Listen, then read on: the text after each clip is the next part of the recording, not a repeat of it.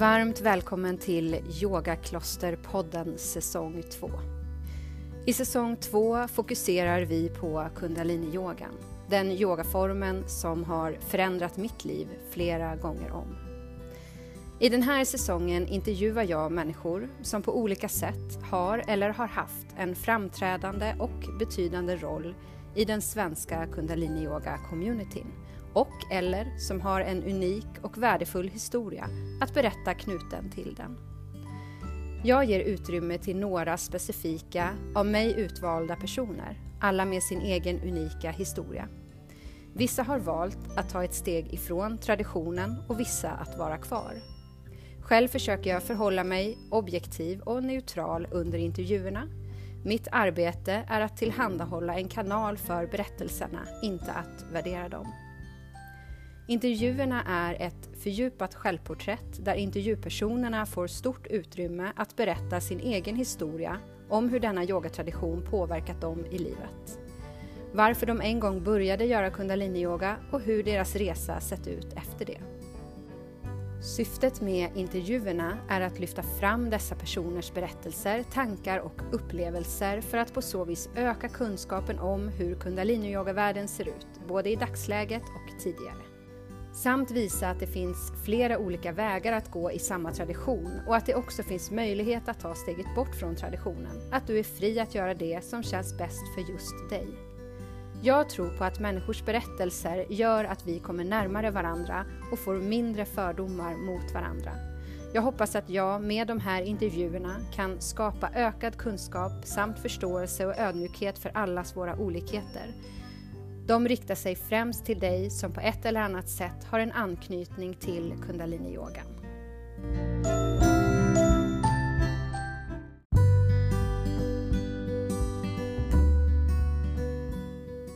Med mig som gäst idag har jag Roland Nauringbauer. Välkommen Roland! Tack så mycket Frida! Jättefint att du vill vara med och dela med dig av din eh, berättelse och tankar och historia. Ja, kul att få, få chansen. Mm. Eh, jag tänkte att vi kör igång på en gång med den första frågan som jag ställer till alla och det är om du vill berätta hur eh, kundaliniyogan kom in i ditt liv från början. Ja, visst. Det var på våren 24, 20, ja, 2004 sa vi i början. Mm. Mm. Um, men jag, jag, skulle vilja ge lite granna bakgrund då till ja, den här tiden mm. i livet då. Uh, det var så jag jobbade i Solna mm. och vi gick uh, då mina kollegor där och tränade på ett gym. Mm. Eh, körde gruppträningar. Så det var body, body pump, body balance och sen kom eh, power yoga. Mm. Och eh, ja, jag, jag gillade, gillade det där och var imponerad av hur de här instruktörerna kunde ja, men hålla energin i gruppen och leverera instruktioner och ge en fin upplevelse till de som var med. Då. Mm. Och, så det där det väckte någonting i mig. Då. Jag var ju över 40 år, lite drygt 40 år. Mm. Eh, att jag själv skulle kunna ge någonting till andra människor av min livserfarenhet och och det som jag tyckte att jag hade att uh, bygga på. Liksom. Uh, jag hade ett ganska stressigt jobb då som serviceingenjör på Rymdbolaget. Uh, och bara det här yogandet då med poweryogan som fanns så blev jag liksom styrkt i att nej, jag kan inte fortsätta med det här jobbet till pension. Liksom. Jag måste göra något annat. Mm. Så jag sa faktiskt upp mig där utan att riktigt ha koll på vad jag skulle göra för någonting mm. istället. Då. Men eh, eftersom yogan fanns där så låg det ganska nära till hands att jag skulle göra någonting utifrån det då. Mm. Och eh, sen är det ju så att jag ända sedan barnsben har varit eh, intresserad och gillat att, eh, att använda kroppen och varit intresserad av hur det hänger ihop med sinnet och vårt inre med kroppen då. Mm. Så när jag var liten då var det mycket att klättra i träd som, som var i fokus och, och jag tränade även judo som liten och det är också har ju paralleller till yoga och, och andlighet. Eh, sen lite senare blev det jujutsu, en annan kampsport. Mm. I kanske tonåren, gymnasiet där. Men det som jag har hållit på mest med när det gäller liksom sport och eh, röra på kroppen och sådär, det har ju varit surfsporter av olika slag. Mm. Så skateboard, windsurfing, eh, surfing, snowboard. Mm. Alla de här har liksom legat väldigt nära själen och hjärtat för mig. Då. Mm. Eh, och gör det fortfarande. Mm. Men, men det här intresset för studier av eh, yoga, meditation, andlighet, personlig utveckling det fördjupade jag i redan i 20-årsåldern då. Att eh, jag köpte böcker och läste hemma på kammaren då och, och ja, tränade lite, eller vad man ska säga. Provade lite själv då. Det kändes mm. tryggast så. För jag, jag insåg redan då att, att det fanns väldigt djup kunskap om människan. Mm. Framförallt där borta i Österlandet då. Men att, ja, det fanns också en risk med att gå med i liksom olika eh, sammanslutningar och göra det här. Det fanns en risk att bli manipulerad eller, eller dras med av eh, gruppfenomen som eh, ja, man hämmade en, ens frihet. Och, och den satt jag väldigt högt när jag växte upp. Liksom. Jag var ja, jag var mycket i det där att gå min egen väg och, och liksom mm. välja själv. Mm. Eh, så att så höll jag på, liksom, ända tills där, 40-årsåldern. Då tyckte jag att ja, men nu är jag trygg nog liksom, att gå på yogaklasser, typ. eller, eh, eller dyka lite djupare i det här tillsammans med andra. Då. Mm. Så att i den där vevan då, 2004, via gymmet så gick jag en um, instruktörsutbildning uh, i power yoga. Mm. Och sen fick jag chansen att börja hålla ega, egna klasser på den här gymkedjan då. Mm. Men jag ville ju kolla upp lite grann yoga i stort, hur, hur eh, läget var liksom i Sverige och vad det fanns för olika varianter och prova på. Mm. Så jag surfade väl runt där på internet och, och kollade och då hittade jag bland annat eh, två hemsidor tror jag det var om kundalini-yoga som jag tyckte verkar vara intressant. Jag testade en massa andra yogaformer också i den här vevan. Mm. Men, och, och då bland annat en av dem där var Harnam Singh. Mm. Eh, hans hemsida om hans eh, verksamhet på Söder. Då. Så att jag tänkte, där måste jag prova. Så jag åkte dit en tidig morgon då, upp på Söder och testade vad som kallas Aquarian Sadhana. Mm där man gör ett yogapass och så mediterar man med ett antal mantrameditationer i en hel timme. Mm. Och trots att det var första gången och jag gjorde ju bara efter så gott jag kunde eh, jag visste inte riktigt vad allting eh, var bra för liksom, men jag, jag bara hängde på. Mm. Så gjorde det här att jag fick en, en stark upplevelse att komma nära min innersta essens, min själ.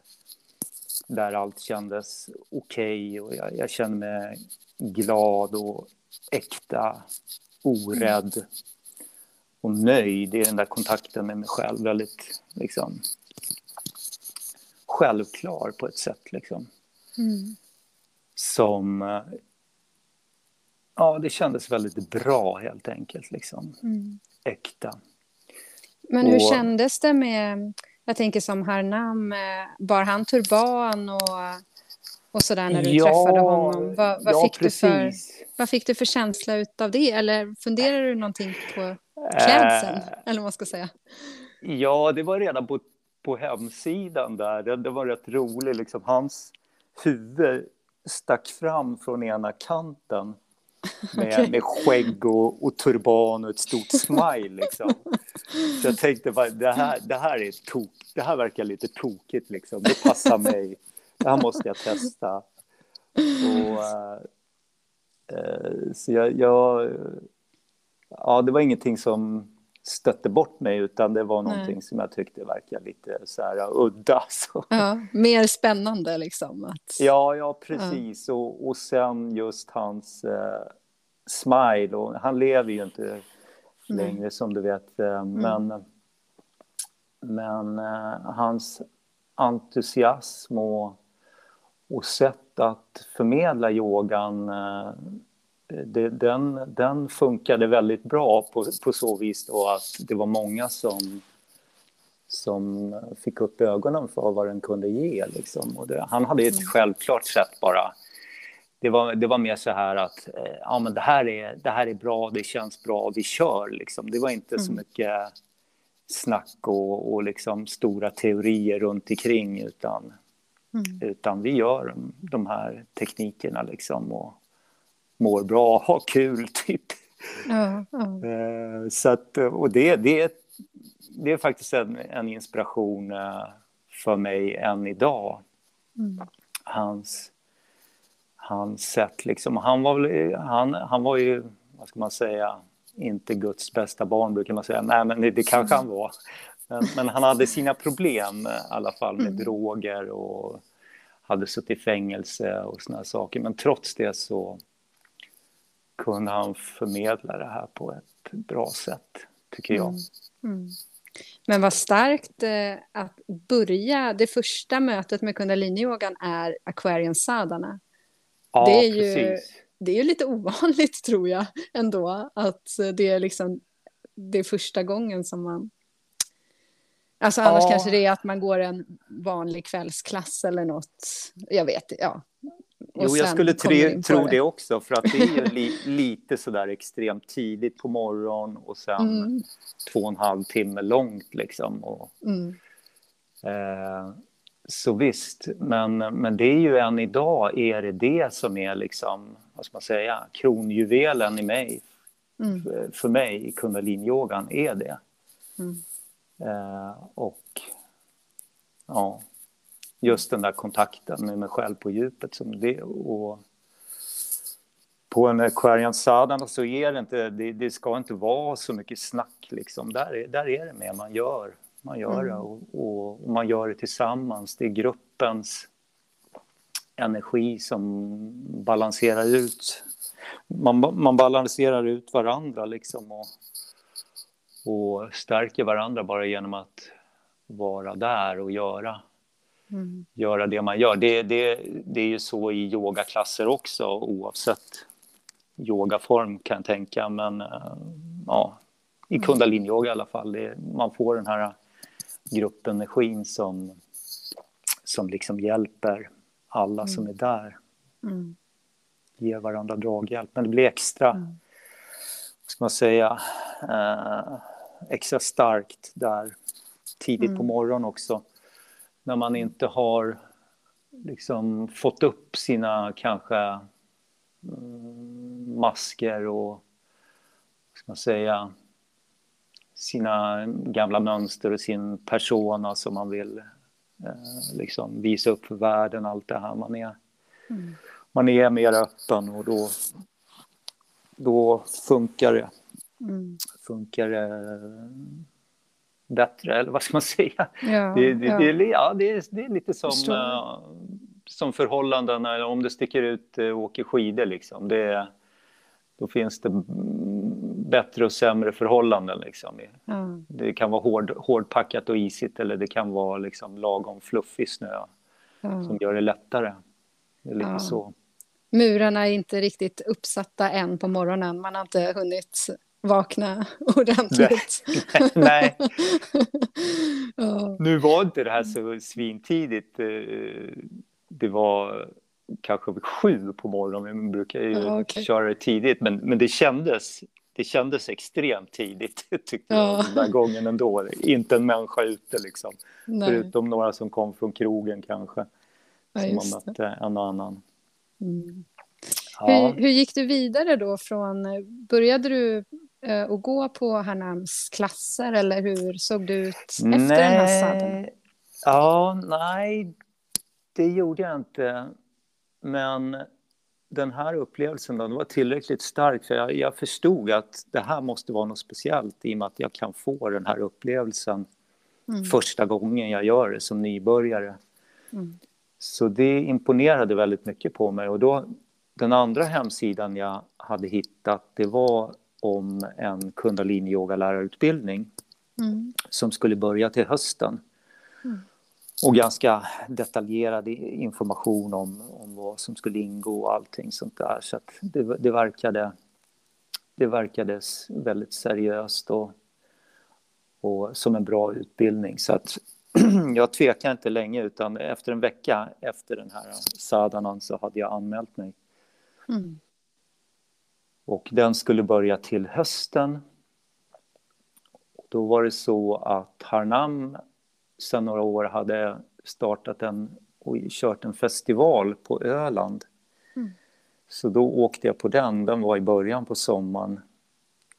Och eh, då, då var det ju sadana varenda morgon på stranden. Mm. Där väldigt fint och sen lite yogaklasser som Harnam och, och några andra lärare.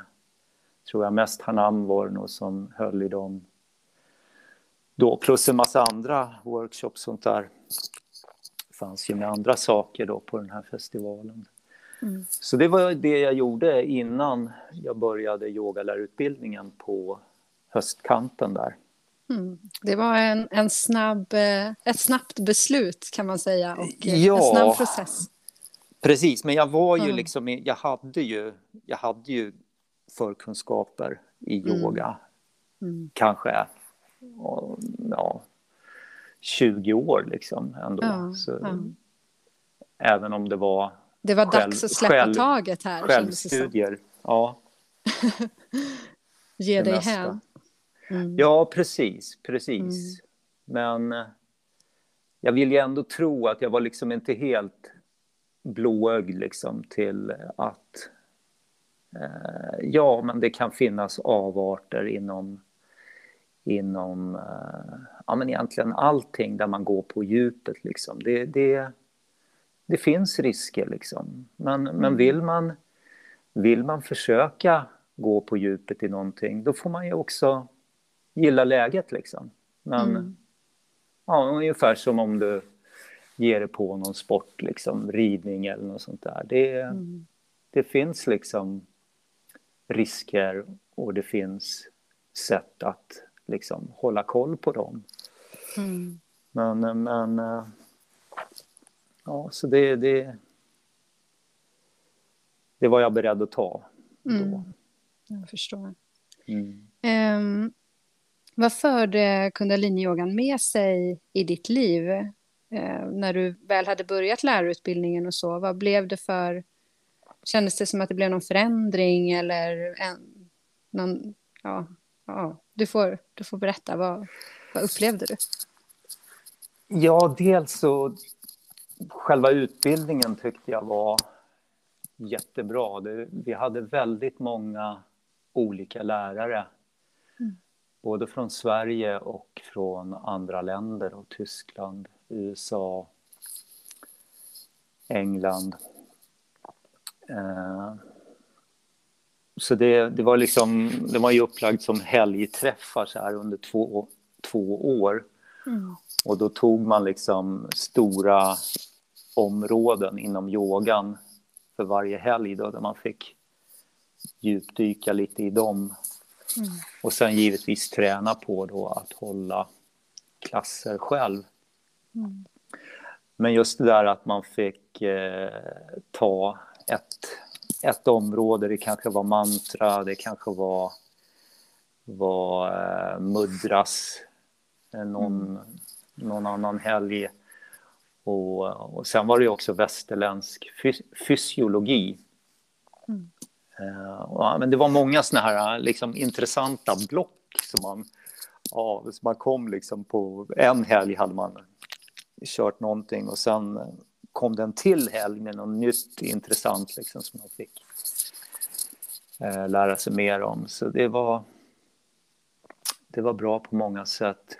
Mm. Men, men själva yogan, den, den gav ju en trygghet. Liksom, att här, här finns det tekniker som jag kan göra och må bättre. Mm. Må bättre av och vara i ett bättre läge och möta vardagen liksom, och de utmaningar som finns mm. av stress eller av, av låg energi. Man orkar inte ta sig för det, det som man vet att man borde göra eller, eller till och med det som man vill göra. Ibland så orkar man ju inte ens det liksom, för att man mm. av olika anledningar dippar ner. Men, men, men yogan, liksom... Visst, livet det pendlar alltid liksom i ups and downs men, men uh, jag kom upp på, ganska snart på en, en högre grundnivå liksom, i energi och i att må bra. Mm. Och sen fanns alltid det där, den där tryggheten. Okej, okay. Om det dippar ner, ja men då vet jag, jag har någonting jag kan göra. Jag behöver mm. inte bara gå och vänta på att liksom någonting i yttervärlden ska, ska liksom lyfta upp mig. Någon, någon ska komma och säga något snällt till mig som kanske mm. får mig på bättre humör eller så. Det är ju, det är ju jätteviktigt också. Det, kan ju, det, är, mm. det är oerhört eh, viktigt att vi kan hjälpa varandra på sånt sätt också. Men, men mm. här hade jag någonting effektivt som jag kunde göra själv. Mm. Och det, det var fint liksom. Mm. Ja, det blir ju en trygghet det. i det, att man känner att man kan landa i någonting och luta sig mot någonting, tänker jag. Mm. Att det är... Ja, det skapar mm. en grundtrygghet, upplever jag. Ja. Ja. Och med min bakgrund av det här, liksom att eh, ja, men lite ensam varg och sitta hemma på kammaren. Det var egentligen, jag fortsatte ju egentligen med det. Liksom, mm. eh, det här som kanske andra eh, tar till sig som något positivt som kan vara väldigt positivt. Det här med gruppen och, och liksom komma i en gemenskap och eh, liksom få stöd av, av gruppen. Det, den, den biten eh, ja, den var inte så viktig för mig. Liksom. Den var lite mera eh, som en läroprocess, att, att jag liksom blev lite tvungen till att eh, ja, i, i, på vidareutbildningar och de här festivalerna mm. med, med ganska mycket folk. Liksom, de, ja, men de tvingade mig lite grann att bli mera social och, och, och så. Va? Så att jag, jag fick det, det på köpet liksom. Mm. På så vis. Mm. Uh, så att, ja. Mm det var väl så, men, men sen eh, visst, eh, det...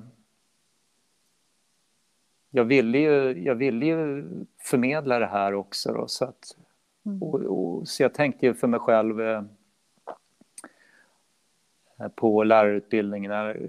Vi fick väl också de, de frågorna liksom om ja, men vad gör... Vad, vad är en bra yogalärare? Mm. Hur blir man en bra yogalärare? Och, och jag tänkte, mitt svar på det var ju liksom att ja, men lära, mig, lära mig hantverket och, och testa det som jag lärde ut. Liksom.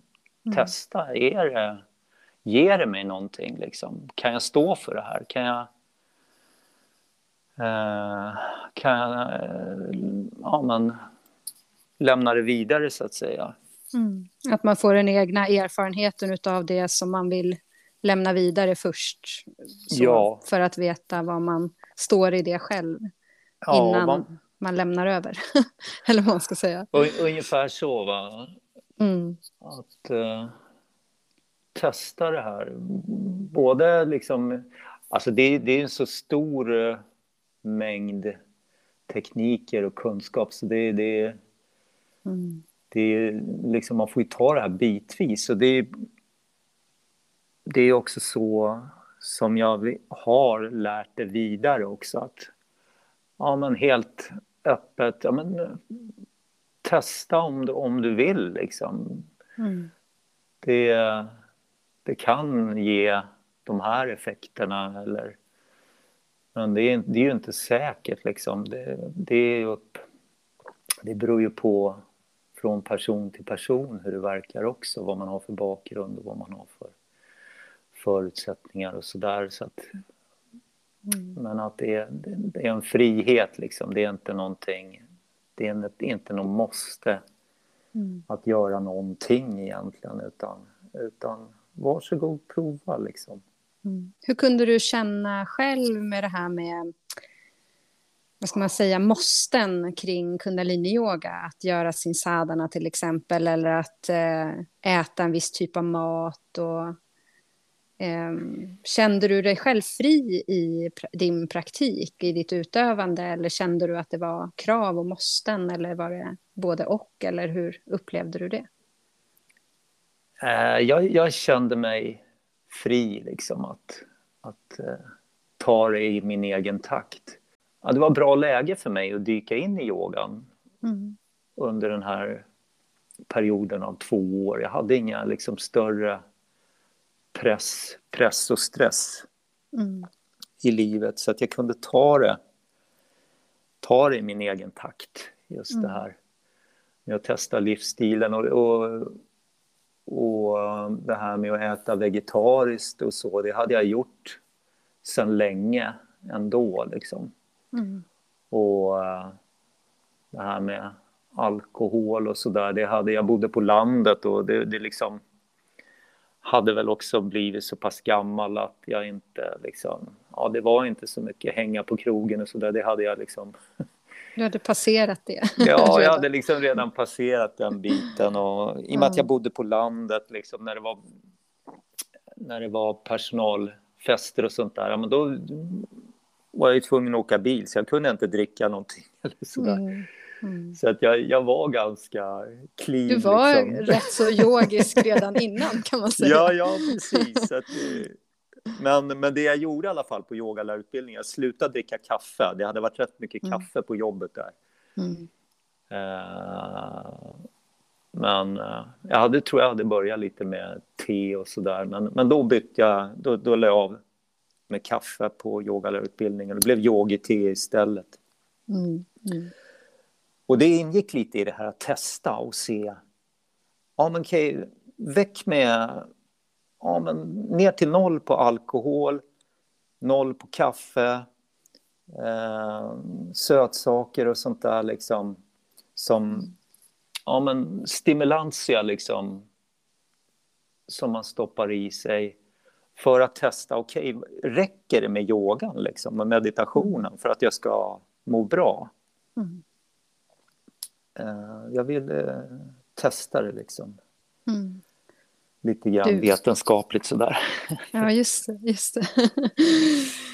ja, okej, okay, men så du gick eh, dina de här två åren och det blev eh, um, och du blev lärare och vad, sen, vad gjorde du sen? Du, du fortsatte att eh, förmedla yogan då som lärare och Blev du ja. också, jag tänkte, blev du också teacher trainer till slut? Om du vill berätta lite om ja. det förloppet. Nu är det rätt så många år där, men hur, hur såg det ut? Jo, men jag kan ju dra det där eh, då med lärar, yogalärar eh, resan då.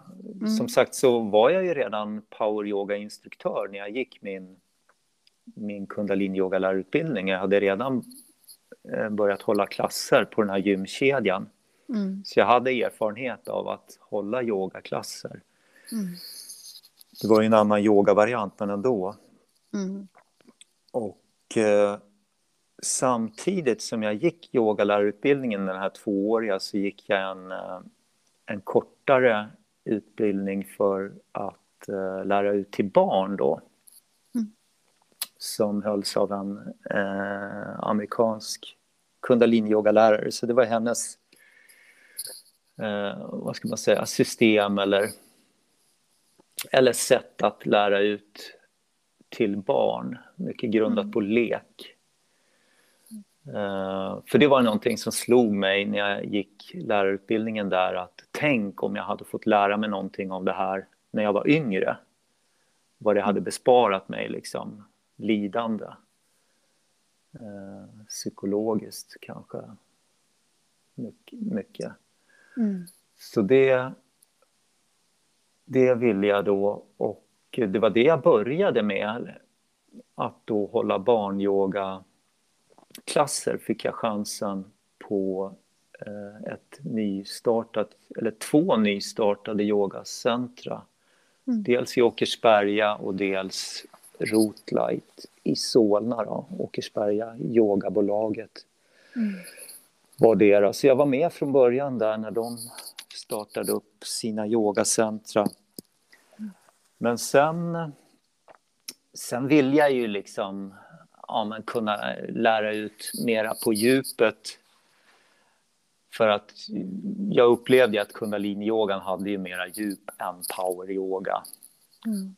Och ja, när man lär ut till barn då är det ju mera lekfullt och sådär. Så att man, man kan inte gå så mycket på djupet.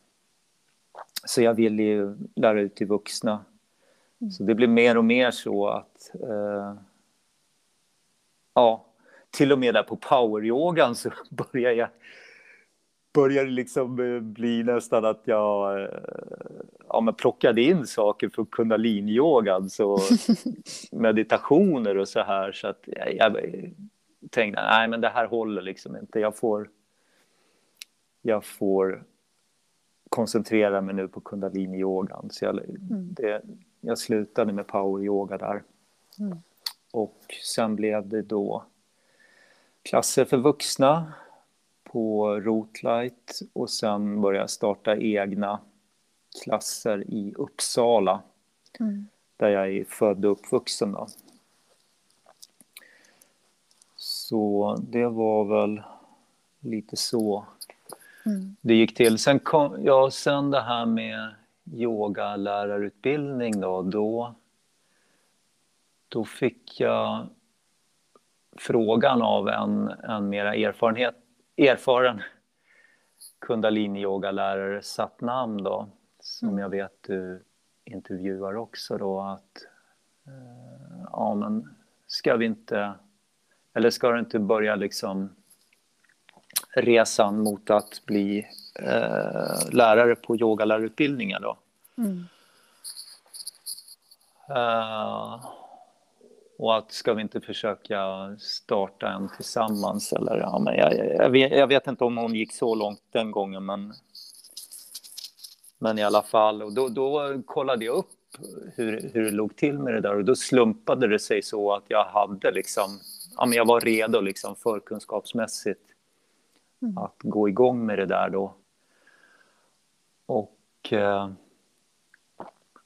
där hade jag också känt som, nästan som ett kall när det gäller Uppsala, där jag är född, född och uppvuxen och har gått en universitetsutbildning i geovetenskap, då, fyra år mm. på universitetet och den här, den här gamla lärdomsstaden som den är då men också en, har ju en historia av andlighet och, och liksom det kyrkliga, eller vad man ska säga. Det var ju så universitetet startade i Uppsala. Att, till en början kunde du ju bara läsa teologi, det fanns inga andra ämnen. Okay. Och... Eh, eh, men, men i alla fall, det här kan man se i Uppsala, den här uppdelningen, vad ska man säga, eller, eller historien mellan kyrkan, kyrkan och universitetet och sen eh, den, vad ska man säga, kommersiella delen av staden. Mm. De här spåren finns kvar och liksom, ja, finns ju kvar i hela, hela vårt samhälle, liksom det här med sekulariseringen då när vetenskapen fick första king på att beskriva hur världen och allting hänger ihop.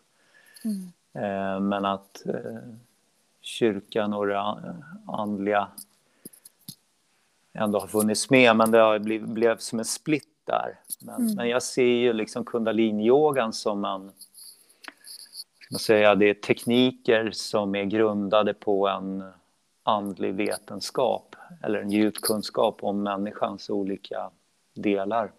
Mm. Så att jag så kände som ett kall att mm. eh, på något vis, jag ska undervisa jag ska ge det här till Uppsala eller liksom möjliggöra för dem mm. att eh, ta del av det här liksom, mm. för att på något vis hela, hela den här splitten. Det var ju ganska storstilat men ändå, det, jag har ju den bakgrunden. Många, eller båda mina föräldrar är liksom eh, vetenskaps män eller den ena kvinnan. Men, eh, och det var så de träffades liksom när de pluggade i Uppsala eller, eller jobbade som doktorander var det väl då. Mm. Eh, var det så... därifrån som det här lite skeptiska för när du, när du berättade där när du började att undersöka andlighet vid 20 års ålder så var du ändå skeptisk till den här grupperingen och manipulation och så, var det från dina föräldrar som den här skepticismen kom? Jag tänker om man är vetenskapligt lagd så är man ju van att förhålla sig liksom skeptisk till olika ja. Eh, information och så här. Jo, var det därifrån det, som det... det var det nog kanske delvis liksom ändå för att de är liksom inte kyrkliga sådär, även om de... Mina föräldrar då, eller min pappa ska jag säga, han, han gick bort när jag var väldigt liten då, så jag växte upp med en styvfar. Mm. Men, eh, så han är ju katolik, jag är faktiskt född som katolik liksom. Mm. eh, sådär. Så att, men vad jag ska säga, eh, ja, min, min styvfar och min min mamma liksom, de har ju ändå respekt och sådär för, för liksom uh, kyrkan och är liksom kul kulturellt intresserade och har hängt med. Mm. Sådär så att, uh, men, men visst, där har man väl fått med sig lite skepticism och, och sådär. Och min egen, min egen väg liksom i utbildning och sådär med naturvetenskap, mycket mm. naturvetenskap då, har det varit. Mm. Och liksom förstå det materiella kan man ju säga. Mm. Eh, men, men eh, när jag läste naturvetenskap då på djupet i fyra år, geovetenskap om hur, hur jorden och alla dess system eh, hänger ihop och har utvecklats och verkligen hur allting hänger ihop och är sammanlänkat i tid och rum Eh, det, det gav mig en sorts andligt uppvaknande nästan kan man säga. Mm. Att eh, ja, hur det materiella hänger ihop är liksom, det är så fantastiskt och så att ja, man, man blir nästan religiös av det liksom bara. Mm. Ja, av att studera absolut. vetenskapen på, på, på djupet. Va? Så att jag, mm. jag, jag tyckte väl att det ja, men det räckte med det nästan. Liksom. Mm, mm. Jag brukar säga det till Jehovas vittnen som kom och knackade på. Liksom. Jag, jag, brukar sitta ner och prata med dem. Men Men att, nej men jag behöver liksom inte någon gud. Utan nej. Jag, jag, jag, är, jag är nöjd ändå liksom med, med hur jag förstår hur världen funkar liksom. Mm. Mm. Tänkte jag då. Mm. Men, men, men liksom sen att träffa på kundaliniyogan då och de teknikerna, då fick jag ihop det här med, med jag har alltid varit intresserad som sagt av, av andlighet och sånt också. Mm. Och religion. Men, men, det som har varit min ledstjärna det är att hitta liksom gemensamma nämnaren oavsett om det är en buddhist eller en kristen eller en yogi. Eh, vad, kan de enas om någonting? Liksom, vad, för det är så man gör i vetenskapen, att man, man, man liksom testar från olika håll och kanter. Vad är det som, vad är det som håller liksom, när, vi, mm. när vi undersöker någonting? Och, och med, med yoga och så, där, där undersöker man ju med sin egen, sitt eget medvetande och sitt eget inre. Mm. Uh, ja, nu, nu, nu drog jag iväg här, men, märker Men, ja. men, men i alla eh, fall... Om vi, eh, om vi går tillbaka då till den här känslan av att uh, kanske inte missionera, jag vet inte, men du hade en slags mission i alla fall att du ville föra in andligheten tillbaks eller föra, föra, tillföra mer andlighet i Uppsala på något sätt med kundaliniyogan ja, som hjälp. Ja. ja, men också... För jag vet ju, jag vet ju liksom att eh, inom de här eh, universitetsinstitutionerna så kan det vara ganska tuff eh, arbetsmiljö och hierarkier och eh, liksom folk mår dåligt av, av hela, hela strukturen där. Det vet jag från, från båda mina föräldrar. Liksom. Mm. Då, så att ja, jag har ju haft många från akademin liksom, som elever. Mm, mm. Professorer, doktorander och, och, och, en del studenter också. Mm. Så jag har väl nått ut till viss del liksom just med det här, ja, men, som alla människor behöver. Att må bra på något sätt, minska stress och, mm. och, och, hålla igång kroppen och, och de här grejerna som yogan kan ge mm. också. Då. Mm. Så att Eh, men, men i alla fall, det blev till sist, för att göra historien lite kortare, så blev det en yogalärarutbildning då som jag organiserade själv mm. eh, i Uppsala då. Efter mm. den här ganska långa perioden som det är numera att, att få vara med som lärare på lärarutbildningar. Det är ganska, det är ganska eh, hårda krav, eller vad man ska säga. Det är en ganska mm. lång process. Liksom. Ja. Och den kan man ju se på, på lite olika sätt, kanske. Eh, men, men ett sätt som, som jag såg på det, det eller fortfarande ser på det, det, det är som en kvalitetssäkring. Liksom att, ja, men, ska man lära ut någonting som går djupt då, då ska man veta vad man håller på med också. Mm, mm. Precis. sen, eh, men, men liksom från andra hållet så kan man ju också, om man har en skeptisk syn på det hela så kan man ju, kan man ju se, säga att man, man skulle kunna säga att man blir mer och mer indoktrinerad med den här läran då som man lär ut. Så att det liksom, mm man, man, man, kanske blir mer mer inskränkt, mer och mer inskränkt och, och liksom okej, okay, det är bara det här som gäller. Jag blir, mm. jag blir liksom bokstavstroende, jag, jag, ja, fanatisk kanske med det jag lär ut. Upplevde det, det liksom... du, kände du att du blev fanatisk eller? Nej, jag tror nog att jag, jag har, jag har ju ransakat mig själv liksom och även fått feedback från de som har varit med på eh, den här utbildningen som jag anordnade och, och andra utbildningar mm. som jag har varit med på då under den här processen att bli lärare mm. på lärarutbildningar. Så, så från det, de har väl inte upp, uppfattat mig som fanatisk Nej. Utan att jag har hållit det här som, som jag beskrev tidigare.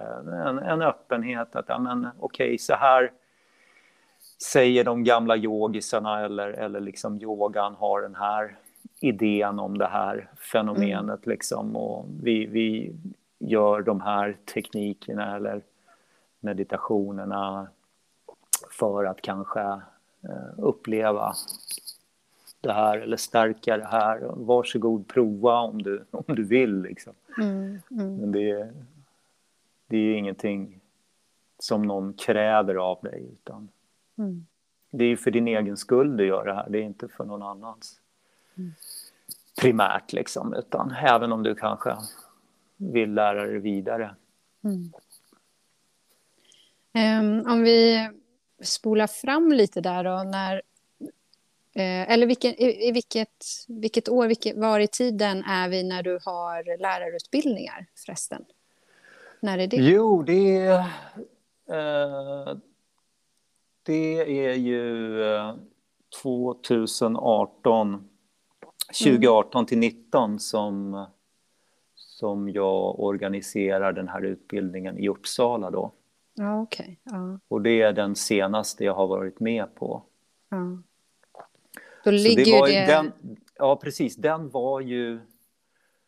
Den var ju avslutad strax innan eh, Premkas eh, bok kom mm. då.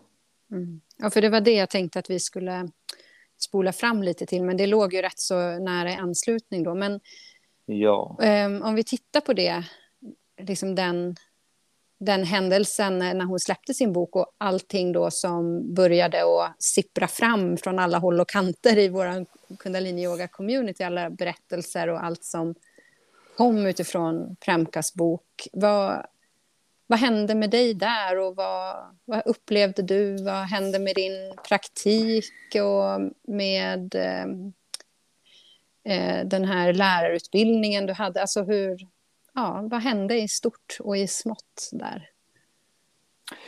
Ja, den här lärarutbildningen som jag hade organiserat i Uppsala, den, den var avslutad då på mm. hösten 2019 och boken kom ju senhösten eh, 2019 vill jag minnas. Så att det var ju, det var ju elever där på utbildningen, de hade ju vissa saker de skulle skicka in då eh, för att få sin certifiering. Men, men den var avslutad mm. vad det gäller träffar mm. och så. Då. Men sen, sen kom ju den här boken som jag beställde direkt när jag fick, eh, fick höra om den då. Så att jag mm. läste den tidigt. Eh, och Ja, men jag tyckte det var en väldigt bra bok och väldigt självbiografisk och, och självutlämnande på ett sätt, liksom, på ett väldigt mm. ärligt sätt som jag, som jag upplevde det. För att hon tog ju upp också sin del av det hela, liksom. Vad ska man säga? Ja, men på ett sårbart sätt, liksom. Hon, mm hon, hon jag tyckte inte hon, hon, eh, hon tog inte på sig offerrollen liksom på ett sånt sätt utan hon, eh, hon beskrev att med, med faktiskt självironi och humor liksom, mitt i mm. det som var svårt också. Liksom. Så, och eh, ja, men liksom, till exempel att hon var ju hon var attraherad av, av Yogi Badjan. liksom hans, eh, hans eh, utstrålning och liksom stilighet och allt vad det kunde vara. Liksom, som säkert många andra kvinnor också. Eh, och, och sen att ja, till, till viss del att hon spelade på sin egen kvinnlighet. Liksom, och, och så. Men, men och så är det som var allvarligt, hon, hon blev utnyttjad liksom, på olika mm. sätt. Mm. Så att det var ju en, en mångfacetterad bild. Liksom. Mm. Blev, kände du att du blev liksom förvånad över berättelsen? Hade du kunnat tänka dig att Yogi Badjan skulle kunna göra någonting sånt här som hon beskrev i boken? Ja, jag, tyck, jag tror nog att det var, det var liksom värre än vad jag kunde... Vad, vad jag hade tänkt mig. Fast... Mm. Fast eh, det som kom fram efter boken mm. var ju värre. Mm. var det ju värre ändå än vad ja. boken beskrev. Ja, och just att det är så många också. Så många berättelser som kommer fram, det förstärker ju också det hela. Ja, ja precis. Det... precis. Så, ja. så på så vis. Men, men jag hade ju hört eh, liksom historia, eller vad ska man säga, redan under yogalärarutbildningen så hörde man ju om att han, Yogi Bhajan omgav sig av så kallade sekreterare och inte bara en utan ett mm. helt gäng liksom. Ja, ja, mm. hur många sekreterare behöver man egentligen liksom? Så man mm. förstod ju att okej, okay, hans, hans fru var kvar i Indien, i alla fall till, till en början. Mm. Ja, ja, tänkte man, han kanske, han kanske hade någon affär med någon av de här liksom. Mm. Uh, ungefär på den nivån mm. Tänk, tänkte jag då liksom. Mm. Uh, men sen senare så hade jag sett, uh, hittat på, på nätet och såna här väldigt hatiska sidor mot hela kundaliniyogan. Mm. Eh, där man i princip sågade allting jäms med fotknölarna. Liksom. Det här är, det här är en, ja, en eh, sekt och det är mind control och det är, det är allting. Och det, det, var, det var lite svårt att ta det, ta det på allvar. Mm. Men där fanns ju också lite hårdare fakta. Det, eh, sådana dom, domstols... Eh, dokument då, om mm. stämningar. Mm.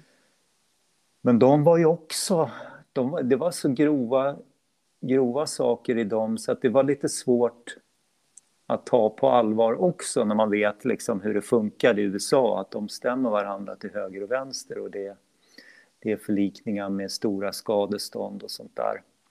Mm. Så, så du hade kommit i kontakt lite grann med Alltså tankar kring att det kunde vara någonting som inte riktigt ja, var helt bra. Men det var svårt Man brukar ju att... säga liksom ingen rök utan eld. Och, att det... Mm. Och, och jag hade ju frågat, frågat dem som hade varit med längre mm. liksom, om det här. Mm. Men, men det var ju då fick man höra att nej, men det är elakt förtal och han hade många fiender och, mm. och de ville åt pengar och ja. Mm. Mm. Den, den stilen av förklaringar fick man ju då. Mm. Så det gick mm. inte att komma så, så, så långt i, i det där då. Men, eh, men det blev ju då desto Eh, eh, nära inpå och tydligare när allt det här hände då 2020. Absolut, absolut. Mm. Så bland annat så blev det ju en Facebookgrupp eh, där man tog upp boken till en början, men det blev ju också som ett forum för för de som hade blivit utsatta, direkt utsatta, att mm. ge sina förstahands historier, beskrivningar utifrån Mm. sig själva, vad de hade varit med om. Mm. Så där eh, var jag med tidigt och, och tog del av det här. Jag, jag kände det som ett... Det, det är liksom det minsta man kan göra, att, att försöka ta del av de vittnesmål som, som nu kommer fram. Liksom. Mm. Eh, Vad hände med din egen syn på kundaliniyogan? Förändrades den eh, någonting här? Hände det någonting med din egen praktik eller fortsatte du som du hade gjort? Blev det någon skillnad? Eh, ja, dels, vad ska man säga, det, covid, eller pandemin kom ju liksom eh, slag i slag med det här liksom efter.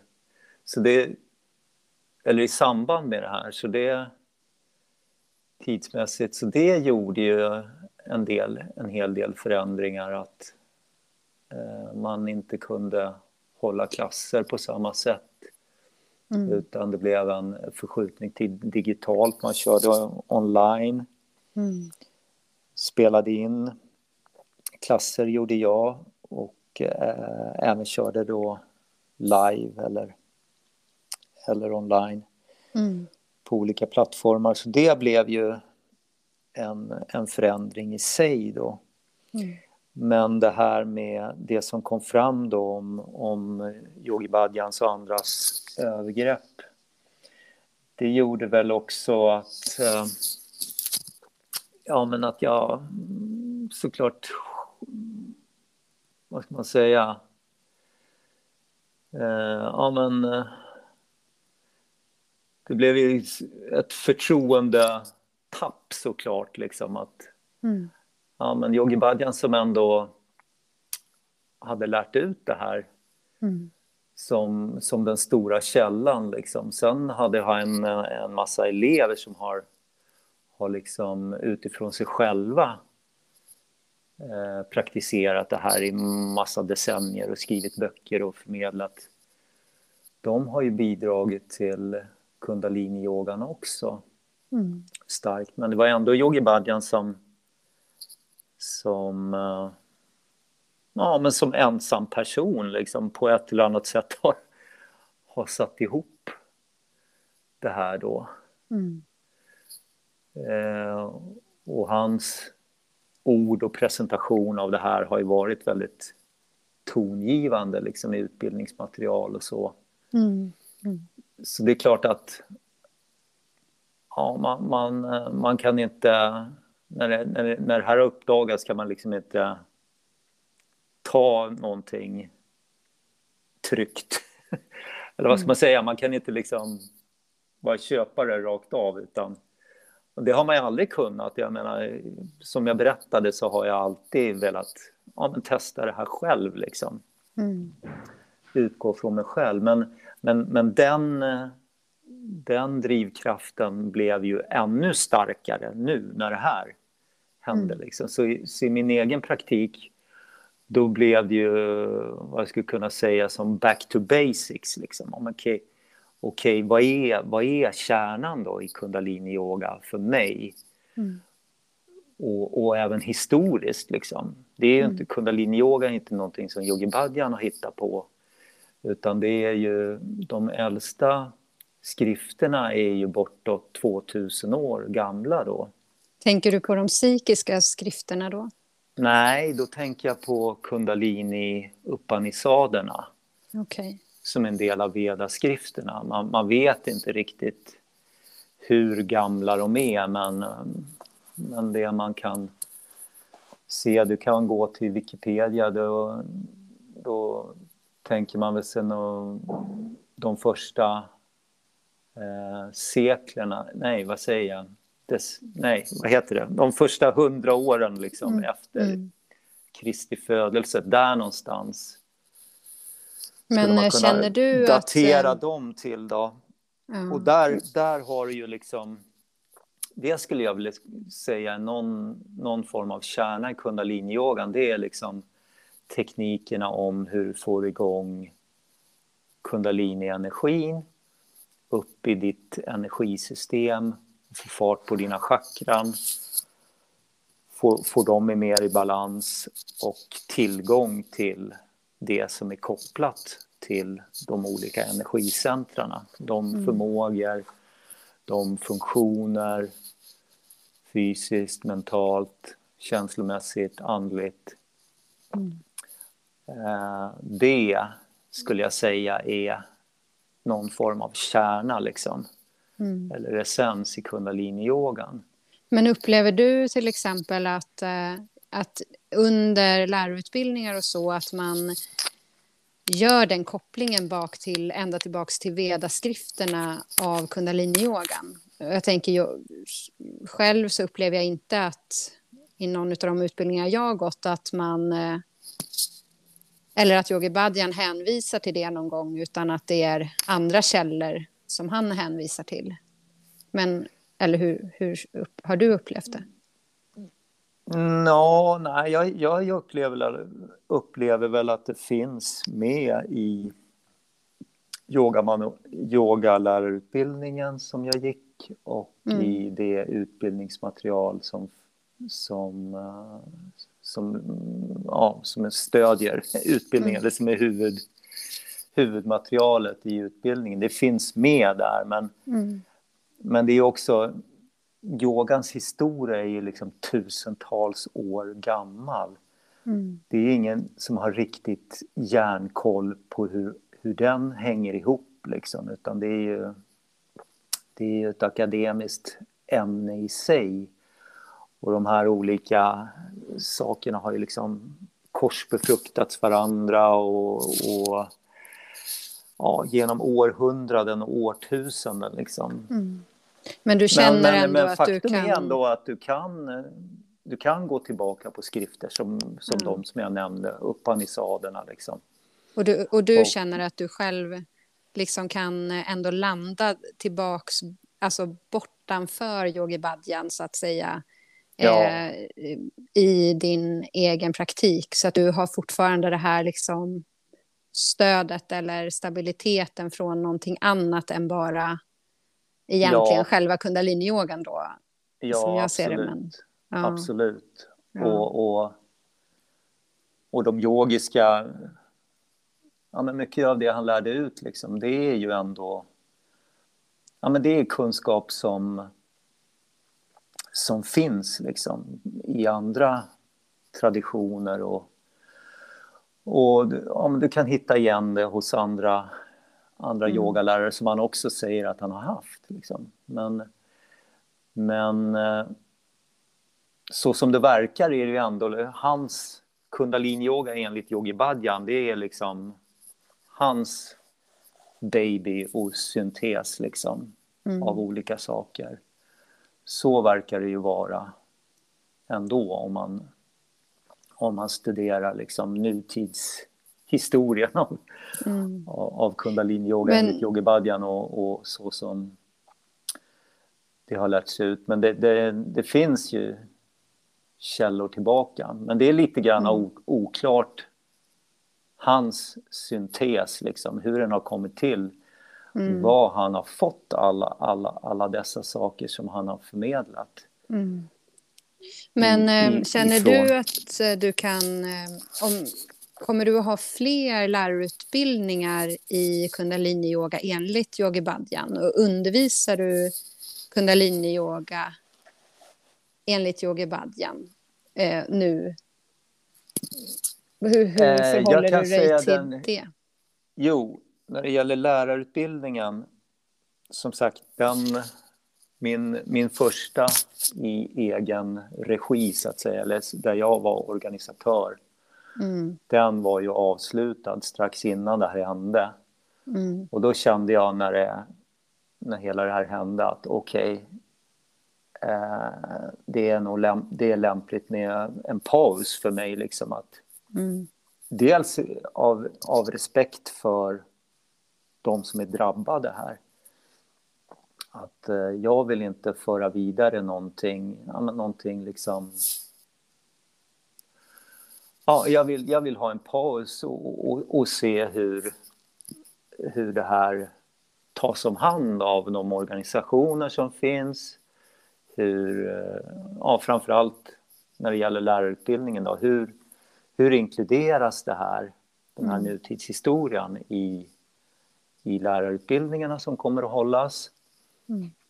Nu vet jag ju att det är många som har liksom kört på. Eller många vet jag inte, men, men en, en, säg en del har ju, har ju fortsatt ganska snart att hålla lärarutbildningar. Och, och vad jag förstår, de jag har hört har, har tagit upp det här på ett väldigt bra sätt, bra och öppet sätt.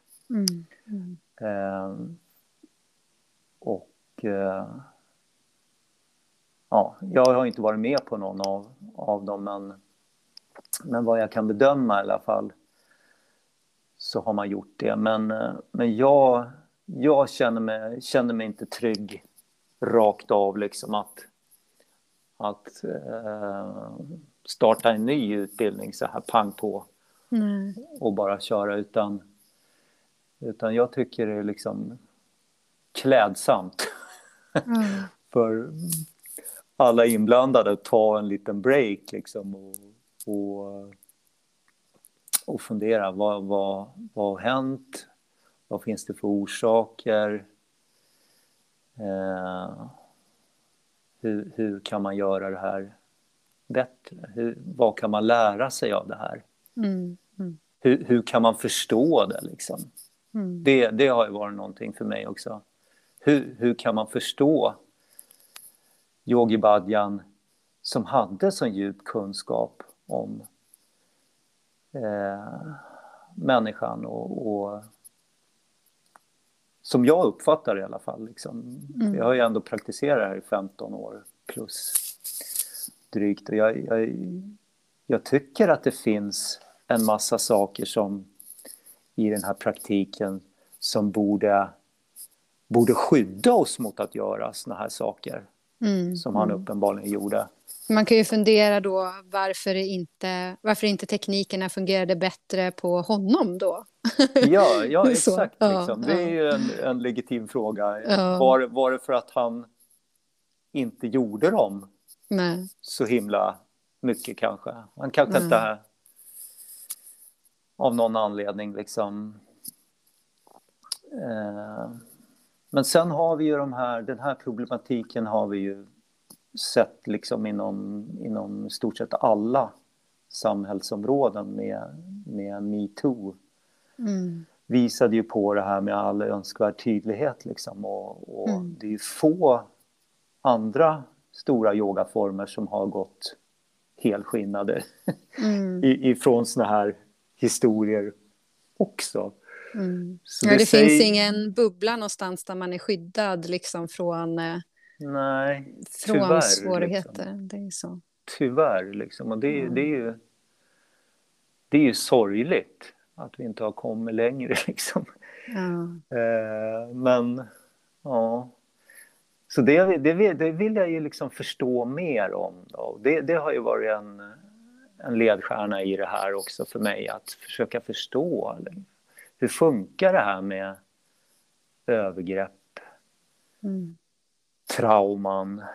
Eh, för det, det har jag förstått någon, ja, men, att det kan vara ett fenomen. Liksom. Har man blivit, när det gäller pedofili till exempel, att, att uh, har man varit drabbad själv så är risken större att man, att man blir förövare själv. Då. Mm.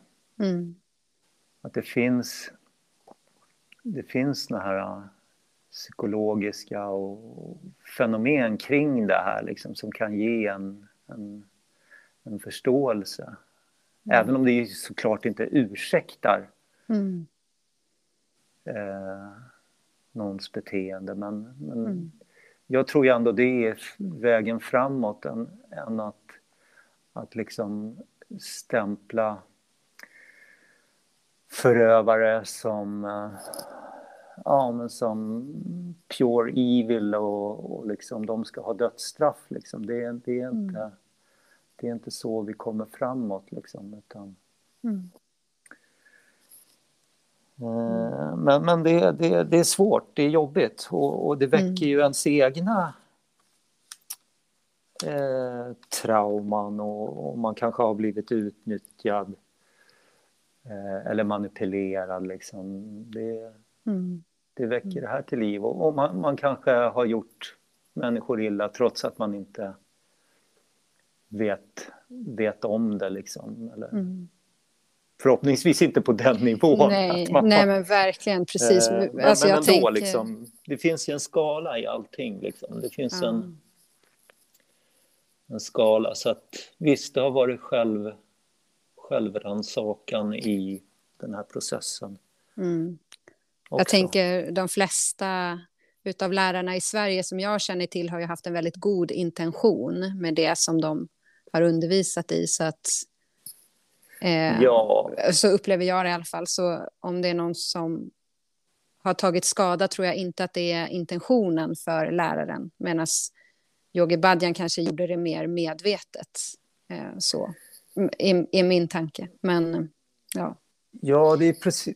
Om man, om man ser lite större liksom också på... Ja, det var ju flera andra lärare som kom från öst till väst under den här tidsperioden.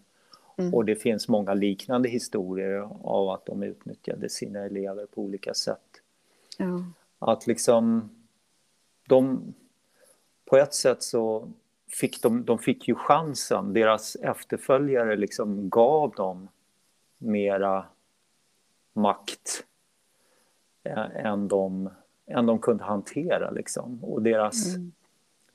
vad ska man säga, deras skuggsidor blev frestade, om man så säger.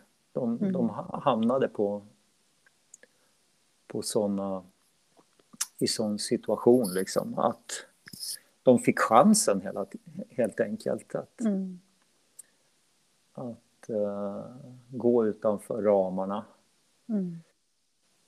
Och det, det har flera, eller ja, en åtminstone, som är en oldtimer som jag har träffat på. Liksom. Han, när jag, när jag, efter att det här kom fram, då, att jag, jag ställde frå, raka frågan hur, ja, men hur kunde det här hända?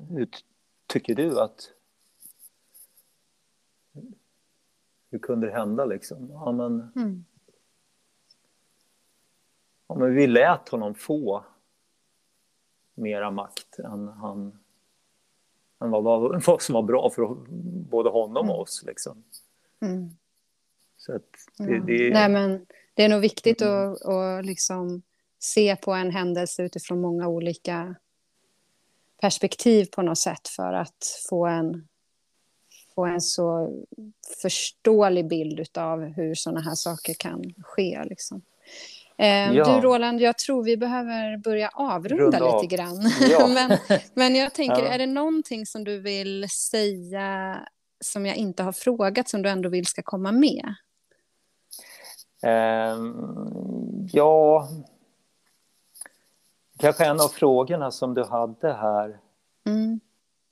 den här om, om eh, en del människor beskriver kundaliniyogan som en sekt. Vad har du för tankar Mm. om det? Mm. Eh, Det är en intressant fråga. Eh, Men då först och främst måste man ju kanske definiera då vad, vad som är en sekt. Eller vad man tycker är en sekt. Och jag, jag har googlat runt lite här nu för att förbereda mig. och. Friskat upp minnen om, minnet om, eh, om sekt. Man brukar st- ställa upp olika kriterier för för vad, vad man skulle kunna kalla för en sekt. Och, och, och det är väl också en skala liksom. Och det behöver ju inte vara... Begreppet tar vi ju ofta som negativt liksom. Att, men det behöver ju inte vara, var det en sekt.